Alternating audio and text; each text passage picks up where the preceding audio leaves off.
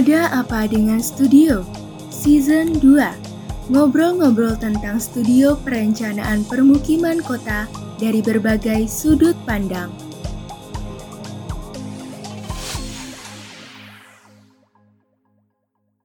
Hai semuanya, aku Dinda. Balik lagi di podcast Ada Apa Dengan Studio Season 2. Jadi, dalam season ini kita akan ngobrol-ngobrol terkait studio perencanaan permukiman kota dari berbagai sudut pandang. Dan episode satu kali ini kita akan mengulik dari sudut pandang Kabinet SPPK tahun lalu. Oke, sebelum aku menyapa para Kabinet SPPK tahun lalu, pertama-tama aku mau menyapa Alvin yang pada kesempatan kali ini akan nemenin aku untuk tanya-tanya ke Kabinet. Halo Alvin, apa kabar? Halo Din, baik nih. Oh iya, karena kondisi saat ini kita harus jaga kesehatan ya. Oke, setuju banget sih. Oke, selanjutnya aku mau nyapa teman-teman kabinet. Halo semuanya, apa kabar? Halo, halo. Halo. Oke, boleh dong say hi satu-satu. Oke, halo semuanya. Aku Wakil Koordinator Besar SPPK tahun 2021. Halo semuanya, kalau aku Sekretaris dari SPPK 2021. Ya, halo semua. Uh, kenalin, aku koordinator wilayah Kelurahan Tunjung Sekar ya, di SPPK 2021. Kan tadi kita udah perkenalan ya. Nah, aku mau nanya-nanya nih. Di mata kalian itu, SPPK itu apa? Uh, kalau dari pandangan aku ya, SPPK ini kan studio pertama yang harus ditempuh ya sama mahasiswa PWK FTUB. Di mana di dalam studio ini kita melakukan identifikasi dari kondisi dan permasalahan infrastruktur sektor-sektor dasar kebutuhan masyarakat yang kalau di studio ini lingkupnya kelurahan. Nah, selain itu, selain ada sektor-sektor dasar, kita juga dibantu sama tim database terkait penggunaan lahan dan ada juga tim integrasi yang menganalisis terkait kependudukan. Oke, kalau dari pandangan aku, uh, kita belajar lebih dalam terkait sektor-sektor yang sebelumnya sudah pernah kita dapat di tugas besar mahasiswa baru PWK. Uh, eh, jadi sektor itu dibagi jadi beberapa, di antaranya itu ada perumahan, sarana, jalan, air bersih, drainase, sanitasi, dan persampahan. Yang membedakan sama tugas besar ini itu tahap yang kita laluin dari studio ini. Um, kalau di tugas kita cuma data hasil survei yang udah kita peroleh. Tapi kalau dari studio, kita ini sampai tahap menganalisa data hingga menghasilkan rencana-rencana sesuai dengan identifikasi yang udah kita lakuin sebelumnya. Itu. Iya, kalau menurutku eh, SPPK ini merupakan kesempatan pertama ya buat uh, kita untuk belajar yang namanya memanage waktu. Karena di SPPK itu kan kita ada survei, terus setelah survei kita perlu mengolah data. Nah, selain itu kan kita juga masih ada perkuliahan seperti biasa. Terus selain itu di SPK ini kita itu uh, bisa belajar sektor-sektor yang udah disebutkan uh, teman-teman tadi. Jadi kita itu nggak belajar cuma sektor kita sendiri. Nah kenapa? Karena di survei nanti kita itu kan nggak cuma ngambil data buat sektor kita aja, tapi kita survei itu bareng-bareng sama teman lain dan surveinya itu uh, secara menyeluruh dari semua sektor. Oke, keren-keren banget ya pandangan dari kabinet-kabinet SPPK tahun lalu. Jadi aku mau tanya nih, kan kalian bisa dibilang merupakan orang yang mengurus SPPK dari awal. Nah, gimana sih persiapan kalian untuk menyiapkan segala macam kebutuhan studio ini? Ya, untuk paling awal sendiri itu tentu aja kita mau menentukan wilayah studi ya. Jadi awal-awal itu kita cari tahu dulu referensi terkait wilayah studi yang mungkin sebelumnya belum pernah digunakan sama kakak tingkat kita. Nah, kemudian setelah kita udah dapat referensi-referensi wilayah studi itu kita mulai menentukan buat pembagian kelompok. Nah, setelah itu, biar studio yang kita jalanin itu ada targetnya, jadi nggak asal jalan, kita juga ada kebutuhan untuk menentukan timeline. Yang di situ, dalam penyusunannya kita juga butuh bantuan dari mas mbak asisten dan juga dosen. Kemudian kita juga ada persiapan terkait kebutuhan dana untuk studio nantinya. Uh, aku mau nambahin, misalnya itu juga kita mempersiapkan hal-hal apa aja yang harus disiapkan oleh setiap kelompok. Salah satunya kita membentuk adanya nama tim desain karena ternyata di studio ini banyak banget desain yang harus disiapin untuk kepentingan bersama. Setelah melalui dan pengerjaan laporan, peta, dan sebagainya, kita masuk ke tahap presentasi.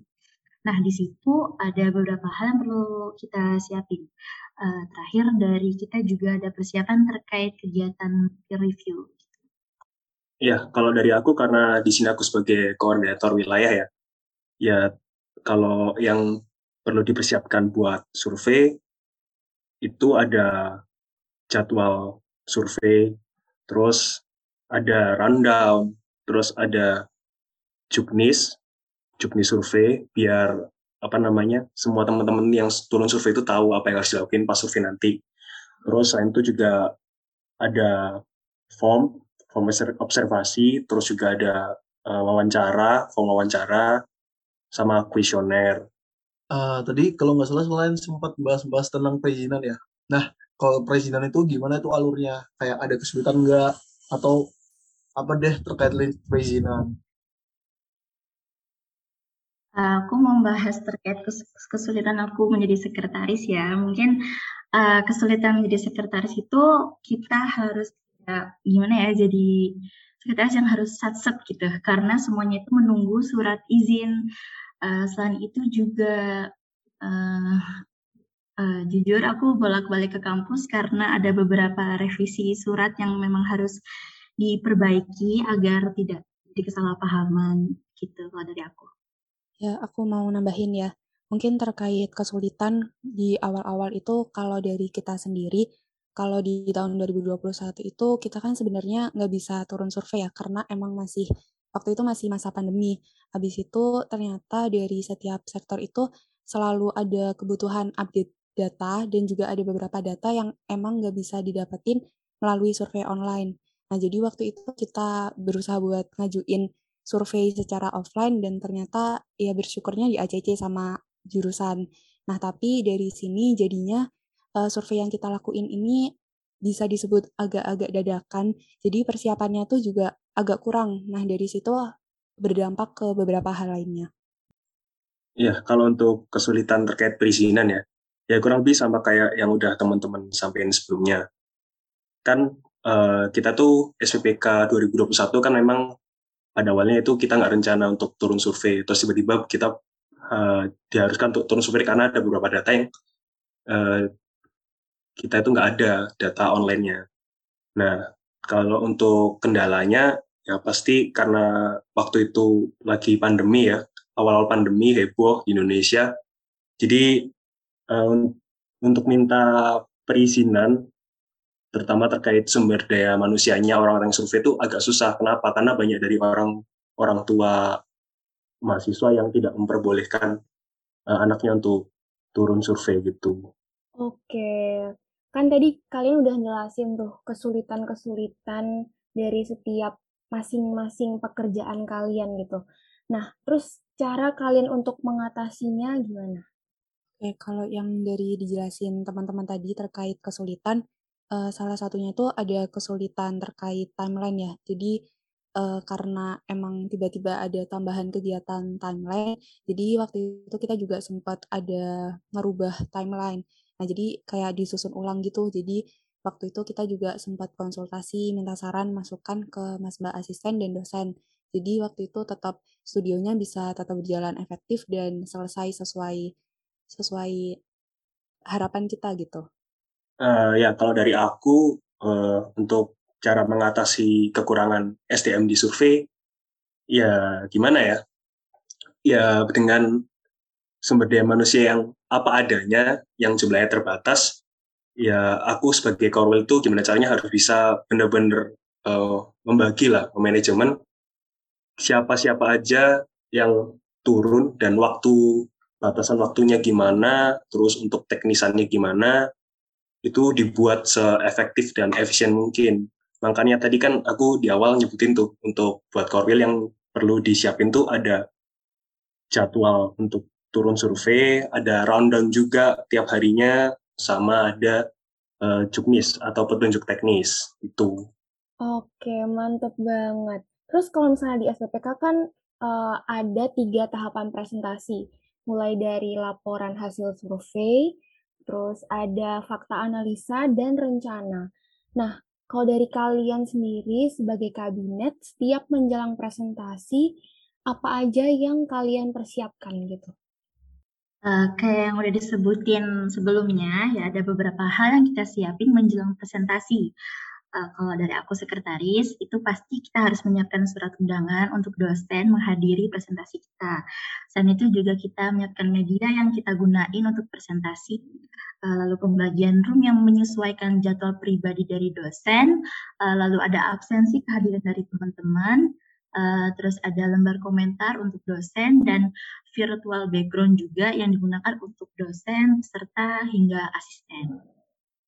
Nah, di SPPK ini kan ada hasil akhir ya, yang lebih kenal lebih dikenal kayak final report. Nah, kalian itu nyiapin apa aja buat final report ini? Iya, ini kita coba ceritain final report di tahun kita ya. Jadi ada kemungkinan untuk tahun ini bisa aja beda gitu sama tahun kita. Jadi kalau di kita kemarin itu salah satunya ada terkait lembar pengesahan dari dosen. Jadi di situ di lembar pengesahan itu isinya dosen pembimbing itu udah menyetujui gitu, udah ACC semua produk dari hasil final report kelompok. Nah, setelah itu kita juga ada instruksi untuk mencetak laporan dan di mana di situ juga masih berkaitan sama lembar pengesahan. Jadi laporan itu baru bisa dicetak kalau misal udah dapat ACC dari dosen. Aku mau nambahin, uh, kita juga ada pengumpulan peta baik dari hasil ekspor sampai SHP ataupun MPK-nya. Terus ada juga produk eksekutif summary atau biasanya disingkat eksum, uh, yang pasti peserta SPPK 2022 udah pernah ketemu di tugas besar kemarin. Iya, namanya teman-teman sebelumnya uh, di SPPK 2021 itu kita juga ada apa namanya video gitu, video yang menceritakan terkait bagaimana perjalanan SPPK 2021 dari tiap-tiap wilayah studi. Terus selain itu juga ada buku masukan yang isinya tuh komentar-komentar dari asisten, dosen, sampai rekan peer review kita waktu itu. Nah, itu tadi sempat disinggung terkait peer review ya. Jadi memang aku mungkin jelasin dikit nih untuk peserta SPPK 2022 bahwa di SPPK tahun lalu itu ada hal yang menarik namanya adalah peer review. Jadi di mana kita peserta SPPK 2021 itu saling bertukar pikiran dengan PWK UGM. Jadi mahasiswa UGM itu mereview laporan kita dan kita juga diberi kesempatan untuk melihat hasil kerja mereka. Nah, kalau dari sudut pandang para kabinet, Menurut kalian peer review pada tahun lalu itu semenarik apa sih bagi kalian? Oke, kalau dari pandangan aku, menariknya peer review di tahun kita itu, setahu kami itu benar-benar pertama kali peer review ada buat studio gitu. Nah, jadi waktu itu juga waktu kita coba minta pandangan atau bantuan dari kakak tingkat itu juga agak susah karena emang sebelumnya peer review ini belum pernah dilakuin. Nah, terus menariknya lagi dari peer review ini, tentu aja kita dapat teman baru ya dari luar UB sendiri. Nah, setelah selain kita dapat pandangan baru terkait studio di universitas lain itu kayak gimana, ya dari dapat teman baru itu juga ada beberapa teman-teman kita tuh yang kayak ngelanjutin temenan di media sosial gitu. Jadi kayak kalau misal ada uh, teman-teman dari UGM yang update terkait kegiatan PWK-nya, jadi walaupun peer review itu udah selesai tapi kita tetap bisa dapat pengetahuan gitu dapat dapat bisa tetap tahu gitu kegiatan PWK di universitas lain kayak gimana gitu. Oke, kalau dari teman aku kan tadi jelasin kalau kita dapat relasi baru. Nah, kalau dari aku itu menurut aku menarik banget ya ada peer review itu karena uh, Aku kadang suka kepo nih sama PWK di universitas lain itu kira-kira sama nggak ya kayak di PWK UB. Ternyata setelah kita berbagi ilmu, uh, kita jadi tahu kayak, oh output yang dihasilkan PWK UGM itu begini. Terus, oh uh, PWK UGM itu lebih bahas tentang begini. Jadi banyak banget ilmu yang kita, ilmu baru yang kita dapetin dari PWK UGM itu. Nah, kita juga mendapat kayak banyak sanjungan dari mereka, mereka juga mendapat ilmu dari kita, oh ternyata PWKUB itu outputnya tentang begini-gini-gini, begitu. Iya, kalau dari aku sama sih, dari kayak teman-teman sebelumnya, yang pasti Arif itu menarik banget. Nah, kita tuh bisa tahu gimana model studio dari jurusan PWK universitas lain. Kebetulan waktu itu kan kita uh, rekan PR review-nya kan dari UGM tuh. Nah, kita tuh bisa tahu kalau ternyata studio mereka itu fokusnya lebih ke arah desain gitu dan lingkupnya tuh lingkungan. Sedangkan kalau kita waktu itu kan SPPK lingkupnya kelurahan gitu.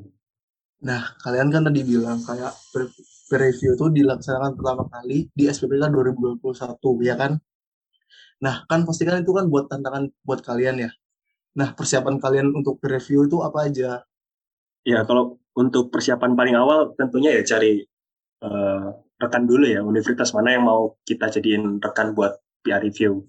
Terus setelah itu baru mulai nih kita cari kontak buat bisa mulai menjalin komunikasi kalau persiapan pandangan dari sekretaris sendiri pasti nggak jauh-jauh dari surat ya. Yang pasti sekretaris itu uh, tetap mengurus surat dan kita itu izin dari himpunan. Jadi kita eh jadi sekretaris harus mengurus surat untuk meminta izin dari himpunan. Gitu. Ya, aku aku lanjutin setelah kita udah dapat rekan udah disetujui juga nih sama HM untuk bisa berhubungan ke eksternal Nah, setel selanjutnya kita mempersiapkan apa aja produk yang akan direview oleh rekan kita.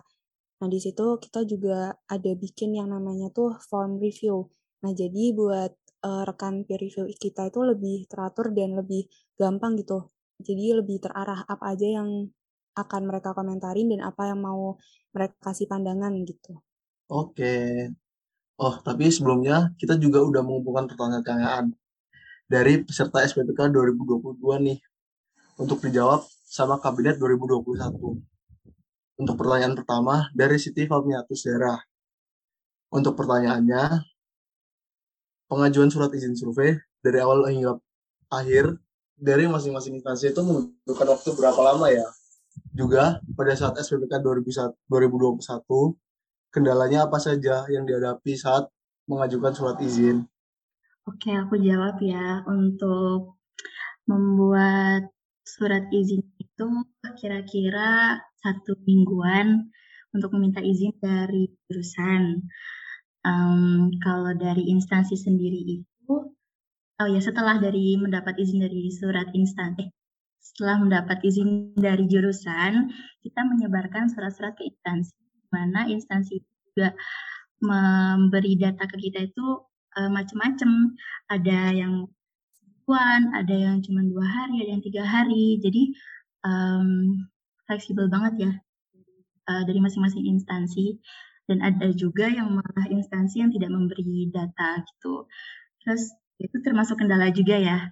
Uh, selain itu kendala yang aku hadapin itu juga pasti dalam membuat surat kita kan perlu ACC nih dari recording.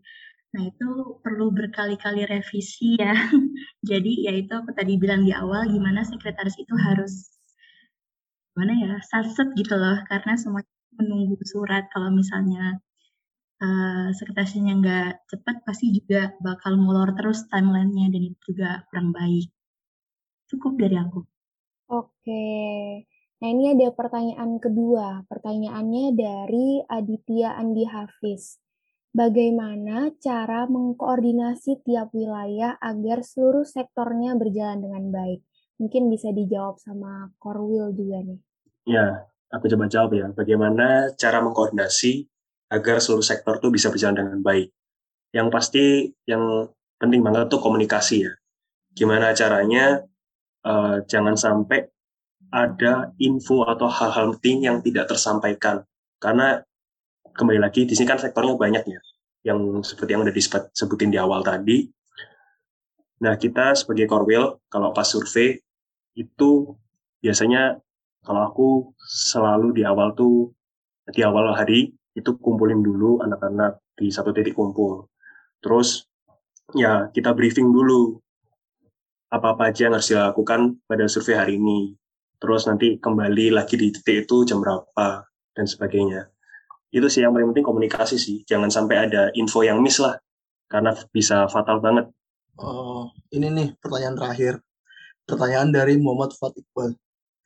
Bagaimana agar seluruh wilayah berjalan beriringan sesuai dengan timeline tanpa ada yang tertinggal maupun mendahului?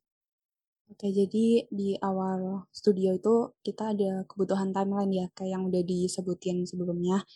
Nah, jadi uh, waktu penyusunan timeline ini kita nggak bisa semata-mata nganggep buat kebutuhan timeline ini sekedar kewajiban yang harus diselesaikan sama kabinet gitu. Jadi waktu penyusunannya itu harus benar-benar mempertimbangkan apakah timeline ini uh, bisa gitu diselesaikan sama teman-teman yang lain. Jadi anggapannya timeline ini harus masuk akal gitu, nggak cuma sekedar dibuat doang. Nah, habis itu timeline ini uh, ada mingguan sama harian. Dan timeline harian itu menurut aku sendiri benar-benar ngebantu ya, karena jadi kita benar-benar setiap harinya tuh harus ada progres yang dilakuin. Setelah itu, uh, kalau studionya udah mulai jalan, kita juga harus memantau dari jalannya timeline itu apakah kondisi teman-teman itu sesuai nggak sama timeline yang udah kita susun di awal tadi. Jadi ya intinya kalau dari aku pokoknya jangan anggap timeline cuma sekedar kelengkapan yang ada. Jadi benar-benar harus dipantau sama kabinet yang ya di situ bisa minta bantuan dari teman-teman koordinator kelompok. Oke, tadi udah ada pertanyaan-pertanyaan yang dijawab sama kabinet 2021. Ini terakhir, pesan-pesan untuk adik-adik yang lagi menjalani SPPK dari kalian?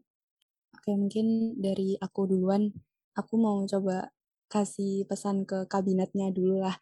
Ya mungkin ini pertama kalinya studio kalian dan uh, pertama kalinya juga kan ada struktur kabinet selengkap ini gitu kan. Kalau di Tubes kemarin kan cuman ada koordinator besar aja.